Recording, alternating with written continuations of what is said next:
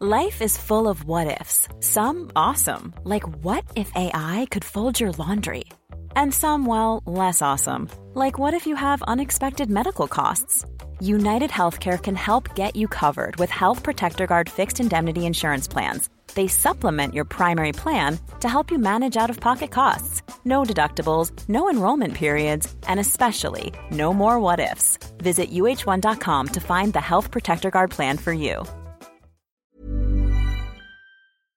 Halo pendengar GGMI Podcast, baik lagi bersama kita berdua dan masih dalam suasana bursa transfer musim dingin. Kali ini kita ingin membahas satu nama yaitu David Raya alias calon pengganti kuat David De Gea. Sama-sama David, bagaimana pendapatnya mengenai ini, Vin? Wah, David Raya ini sebenarnya kan baru mungkin baru booming ya itu di dua musim atau tiga musim terakhir ketika Brentford ini naik ke IPL. Di situ udah mulai kelihatan nih Raya ini adalah kiper yang cukup proaktif ternyata. Meskipun namanya sama-sama David, tapi sangat berbeda tipe permainannya sama David yang kita punya gitu. Jadi Raya ini menurut gue adalah contoh kiper yang modern meskipun bermainnya bukan di tim yang top ya. Dan ketika dia bermain di tim yang bukan tim top aja sebetulnya udah kelihatan gimana kalau ternyata dia pindah ke tim yang top dan juga dilatih oleh pelatih top dan juga environmentnya itu benar-benar mendukung dia untuk bermain secara proaktif aktif gitu. Jadi gue juga menantikan apakah Raya ini nanti di summer nanti itu akan pindah ke tim yang lebih besar atau enggak dan gue harap sih iya. Hmm oke. Okay. Jadi kalau misalkan secara potensi ya meskipun Raya juga usianya nggak muda-muda banget ya. Betul. Dia 27 tahun kan. Benar. Sekarang main di Brentford dan ternyata ini gue baca yang minat tuh nggak cuma MU tapi juga ada tim yang lagi belanja ini ya borongan ya. Chelsea dan juga Tottenham gitu. Betul. Dan kalau misalnya kita lihat dari Chelsea, ini yang gue baca lebih kepada ingin mencoba mencari suksesor dari Kepa dan juga Mendy yang seolah tuh kayak masih not firm lah gitu kan sebagai nomor satu gitu. Tapi untuk Tottenham udah pasti ya. Bagaimana penampilan Loris yang cenderung tidak konsisten itu kan costing uh, Tottenham juga gitu kan. Jadi kalau secara prioritas tiga klub ini mungkin punya sama-sama prioritas tinggi nih kepada kiper gitu kan. Nah, apakah seorang David Raya sudah siap untuk start up ke tim yang lebih besar dari apa yang dia mainkan sekarang, Vin? Menurut gue sih udah siap sih gitu karena dia di Liga Inggris juga menurut gue meskipun gue nggak ini ya nggak ada data secara uh, angkanya ya gitu, cuma dia juga berhasil bikin Brentford ini at least bisa menjadi giant killer. MU kalah 4-0, kemudian musim ini juga menurut gue Brentford juga cukup menyulitkan ya. Kalau nggak salah sempat ngalahin City juga dan di situ kan juga terlihat bahwa di satu musim atau dua musim ini juga Brentford bukanlah tim yang dipandang sebelah mata. Dan salah satu hal yang mendukung itu adalah ya kipernya David Raya ini gitu. Dan menurut gua di usia yang udah menuju ke 27 dan mau ke 28 menurut gua ketika ada tawaran masuk dan juga ternyata kontraknya itu habis di 2024 berarti kan setahun lagi nih mau nggak mau Brentford harus jual sekarang. Dan lagi ternyata Raya ini udah nggak mau perpanjang kontrak lagi di Brentford jadi menurut gue semua udah bersambut tinggal menurut gue tim mana nih yang akhirnya bisa mendapatkan David Raya ini? Dan menurut gue sekarang uh, Tubiria Anas ya yang paling mendekati sepertinya dan paling butuh adalah ya Tottenham Hotspur gitu. Karena menurut gue kita juga dealing dengan kiper yang lain juga yang tipenya juga sama gitu. Ya itu ya mungkin kita bahas di episode lain ya yaitu Diogo Costa gitu dan menurut gua Raya ini harus pindah ke tim besar dan kalau Chelsea menurut gua apa ya Mendy sama Kepa kan gak lagi jelek ya dan Kepa ini kan adalah kiper yang investnya tuh cukup mahal kalau nggak salah ya kiper termahal di dunia jadi menurut gue kalau digantikan begitu aja kayaknya enggak dan Kepa bukanlah sumber masalah Chelsea untuk saat ini gitu. Jadi menurut gue unlikely untuk pindah ke Chelsea deh dan lebih ke Tottenham sih menurut gue. Oke. Okay. Berarti lebih kepada karena urgensi dan juga karena usia ya. Karena kan juga Loris kan usia sudah 34 ya kalau gua nggak salah gitu kan. Yang mana dengan status dia sebagai kiper harusnya semakin tua semakin matang gitu kan. Cuman untuk sepak bola modern gitu kan. Kiper nggak cuma sebagai shot stopper gitu. Ya kan yang sering bilang gitu kan. Dia harus jadi penyerang pertamanya atau membangun serangannya dari kiper gitu. Dan menurut gue sih dari apa yang kita lihat ya. Dan dia kan juga Raya kan juga masuk ya ke skuad Spanyol ya. Benar ketika uh, Piala Dunia kemarin 2022 gitu dan banyak kan disayangkan kayak kenapa nggak milih De Gea, kenapa harus milih Raya gitu kan. Nah akhirnya kan kejawab ya di episode ini dan juga dari penampilan-penampilan kemarin kenapa akhirnya pelatihnya Luis Enrique tidak memasak atau tidak memilih untuk mengambil De Gea gitu kan dan yeah, akhirnya yeah, memilih yeah. David Raya meskipun uh, ujungnya mungkin tidak sesuai ekspektasi tapi kita udah tahu lah alasannya kenapa gitu dan menurut gue sih kita harus lebih terbuka matanya gitu. Nah kalau kita ngomongin secara ini ya uh, apa ya bisa timeline ya. Jadi David Raya ini cukup unik kenapa dia kan sebenarnya keluarga negaranya kan Spanyol ya. Betul. Tapi first professional kontrak dia itu tuh ada di Blackburn Rovers gitu. yang mana menurut gue kayak agak lucu aja gitu. Meskipun sekarang cukup, cukup lumayan banyak ya.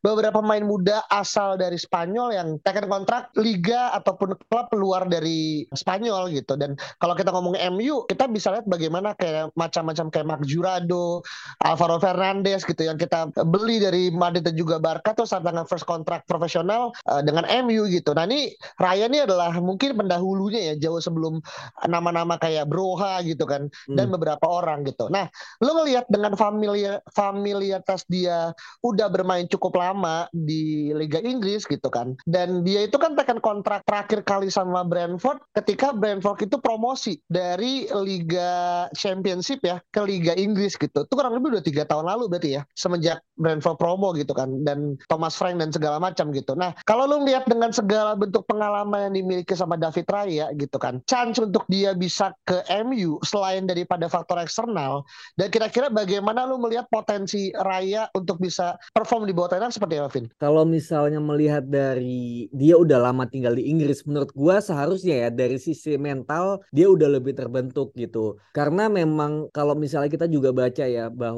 bahwasanya sekarang Ten Hag dan juga tim rekrutmen terutama ya sejak Ten Hag masuk selain daripada skill yang dilihat tapi adalah karakter dan juga mentalitas. Itu yang juga ternyata masuk ke dalam pertimbangan. Dan kalau misalnya si David Raya ini juga ternyata udah lama tinggal di Inggris, udah dari usia berapa ya kalau misalnya gua cek itu dari tahun 2012 itu udah pindah dari uh, gua lihat itu dari tim Spanyol Cornea pindah ke Blackburn U18 itu tahun 2012 udah 10 tahun yang lalu gitu. Jadi menurut gue dia udah ngerti banget lah Inggris tuh kayak apa dan mungkin dia juga udah fasih ya bahasa Inggris itu nggak kayak Antonio Valencia gitu. yang dia nggak bisa bahasa Inggris bahkan gitu. Jadi menurut gue dari sisi mental dan juga adaptasi dia akan lebih mudah daripada mungkin kiper yang datang dari luar yang mungkin masih kasarnya jago kandang kali ya gitu. Dia ini menurut gue udah lebih fasih dan udah lebih ngerti kayak ketika mungkin dia mau mau bermain dari belakang dia tahu penyerang-penyerang Liga Inggris ini tipikal pressingnya seperti apa gitu. Dan tim-tim Liga Inggris juga akan menekannya seperti apa tuh dia udah ngerti gitu. Jadi sebetulnya dia udah jauh lebih paham lagi dan dari sisi itu sebetulnya udah masuk ke dalam kriteria Ten Hag gitu. Cuma again ya ketika mungkin Ten Hag juga melihat dari sisi let's say usia atau mungkin ada hal-hal lain yang dilihatnya lebih apa ya potensial di kiper lain ya kita nggak pernah tahu juga gitu siapa yang akan dipilih gitu. Cuma kalau pada akhirnya ke David Raya, gue pun sebetulnya oke okay aja gitu. Terlebih juga harganya juga kayaknya sih nggak terlalu mahal ya. Kalau misalnya di sini tuh harganya kayak cuma berapa 15 atau 20 juta gitu. Ditambah kontraknya juga tinggal setahun lagi gitu. Jadi sebetulnya ketika MU mungkin problemnya adalah finansial, ketika nggak bisa menebus kiper yang harganya 60 atau 70 juta daripada stuck dengan David De Gea, gue mending ambil David Raya sekalian ya. David tuh David ya. Iya.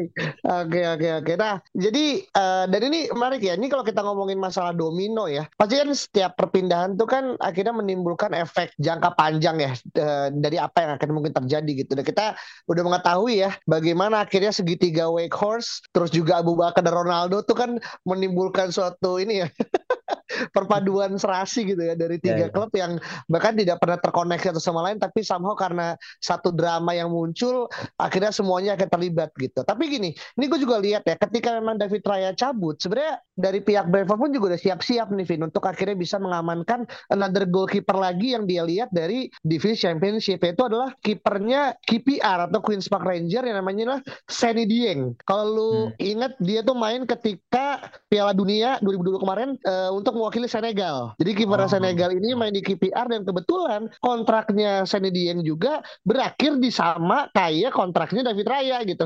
Hmm.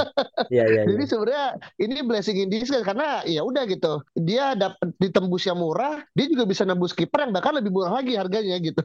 Hmm, jadi, hmm. jadi menurut gue ini adalah win-win ya untuk buat party apalagi siapa namanya Sene Dieng kan juga goalkeeper pertamanya Senegal ya gitu kan dengan Raya juga sekarang gol pertama goalkeeper pertamanya Spanyol. Jadi menurut gue sih uh, Brentford menang banyak di sini dengan hal yang dia dapetin jasa dan segala macam gitu. Betul, betul, nah, betul. Itu secara ini dan terakhir chance nya untuk dia bisa masuk ke MU baik itu di bursa transfer sekarang meskipun less likely ataupun di bursa musim depan kira-kira berapa Vin? Kalau misalnya untuk itu sebenarnya agak sulit ya untuk dijawab karena memang kita ini kan masalah kipernya agak agak apa ya agak sulit gitu ya dari zaman dulu ya dari zaman Ferguson itu untuk mendapatkan kiper aja David De Gea itu cukup lama untuk adaptasinya dan kayaknya tuh kayak berat banget untuk menggantikan si Edwin van der Sar kan. Jadi kayak gue nggak tahu seberapa mudah MU untuk membeli kiper lagi meskipun harganya nggak mahal ya. Apakah pertimbangannya akan seperti dulu gitu? Standarnya akan setinggi David De Gea untuk masalah saves, tapi ternyata untuk masalah membangun serangan lebih bagus itu kan juga gue nggak tahu gitu. Apakah pelatih ataupun manajemen punya pertimbangan seperti itu? Dan gue harap manajemen juga udah mulai terbuka nih dengan permainan modern seperti ini, seperti sekarang bahwa Ten Hag ini sangat membutuhkan kiper yang progresif gitu, yang bisa bermain under pressure juga. Kalau misalnya kita lihat highlightnya, tulis aja David Raya di YouTube itu pasti banyak banget video tentang cara dia membangun serangan, cara dia menghadapi pressure dari para penyerang Liga Inggris dan itu kan sebetulnya bikin ketika let's say gini misalnya uh, penyerang lawan menekan kipernya gitu, and then kita bisa passing dengan baik tanpa apa ya tanpa kesalahan gitu. Itu kan sebenarnya satu line atau beberapa pemain itu udah kelewat gitu. Dan akhirnya gelandang dari tim tersebut juga udah lebih mudah gitu untuk membongkar tim lawan karena penyerangnya udah ke, ke bypass sama kipernya gitu loh. Sedangkan kalau misalnya kita lihat kiper kita sendiri itu ngopernya tuh tanpa pressure gitu loh. Jadi kayak dia nggak nggak membongkar pertahanan siapa pun gitu loh dan tugas membongkar pertahanan akhirnya dimulai dari back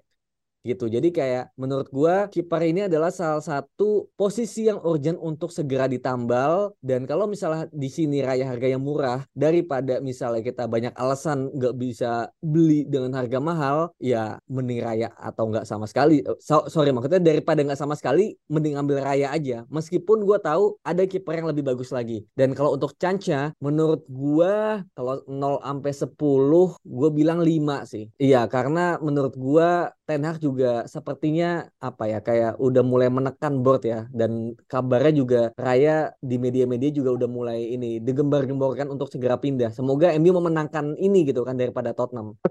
daripada Chelsea juga ya. ya, iya sih. Ya, ya.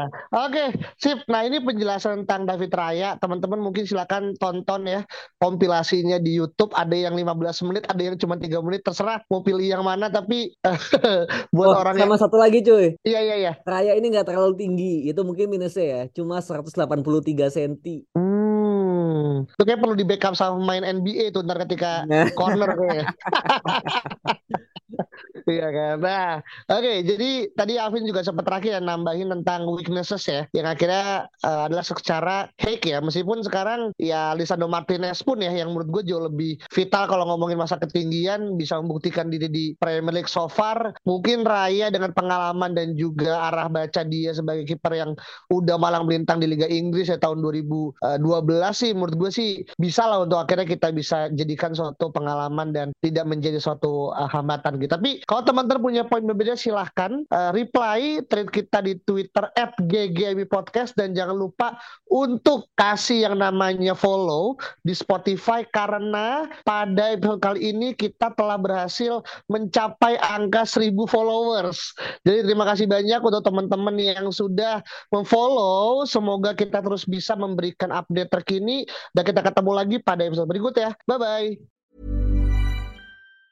Mom deserves the best, and there's no better place to shop for Mother's Day than Whole Foods Market. They're your destination for unbeatable savings, from premium gifts to show-stopping flowers and irresistible desserts. Start by saving 33% with Prime on all body care and candles. Then get a 15-stem bunch of tulips for just $9.99 each with Prime. Round out Mom's menu with festive rosé, irresistible berry chantilly cake, and more special treats. Come celebrate Mother's Day at Whole Foods Market.